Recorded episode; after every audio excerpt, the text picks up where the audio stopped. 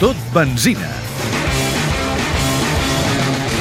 El pilot de Lloret de Mar, Miquel Molina, que ara té 21 anys, ha aprofitat molt bé l'oportunitat que li ha ofert aquest any la marca Audi per disputar per primera vegada el DTM al Campionat Alemany de Turismes.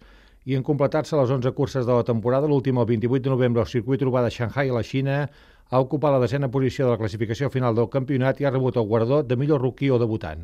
La temporada molt positiva, crec que hem quedat entre els 10 primers del campionat, eh, el millor debutant, fent curses molt bones, com per exemple també en el cap, sobretot la primera de Hockenheim que vam puntuar, la cinquena posició de, de Zandvoort que va estar molt bé, vam estar tercers molt de rato, eh, després la quarta posició a Brands Hatch amb una molt bona estratègia i aquesta pues, cinquena posició aquí a Xangai, que era un circuit molt difícil, bastant perillós i que al final tot va sortir perfecte.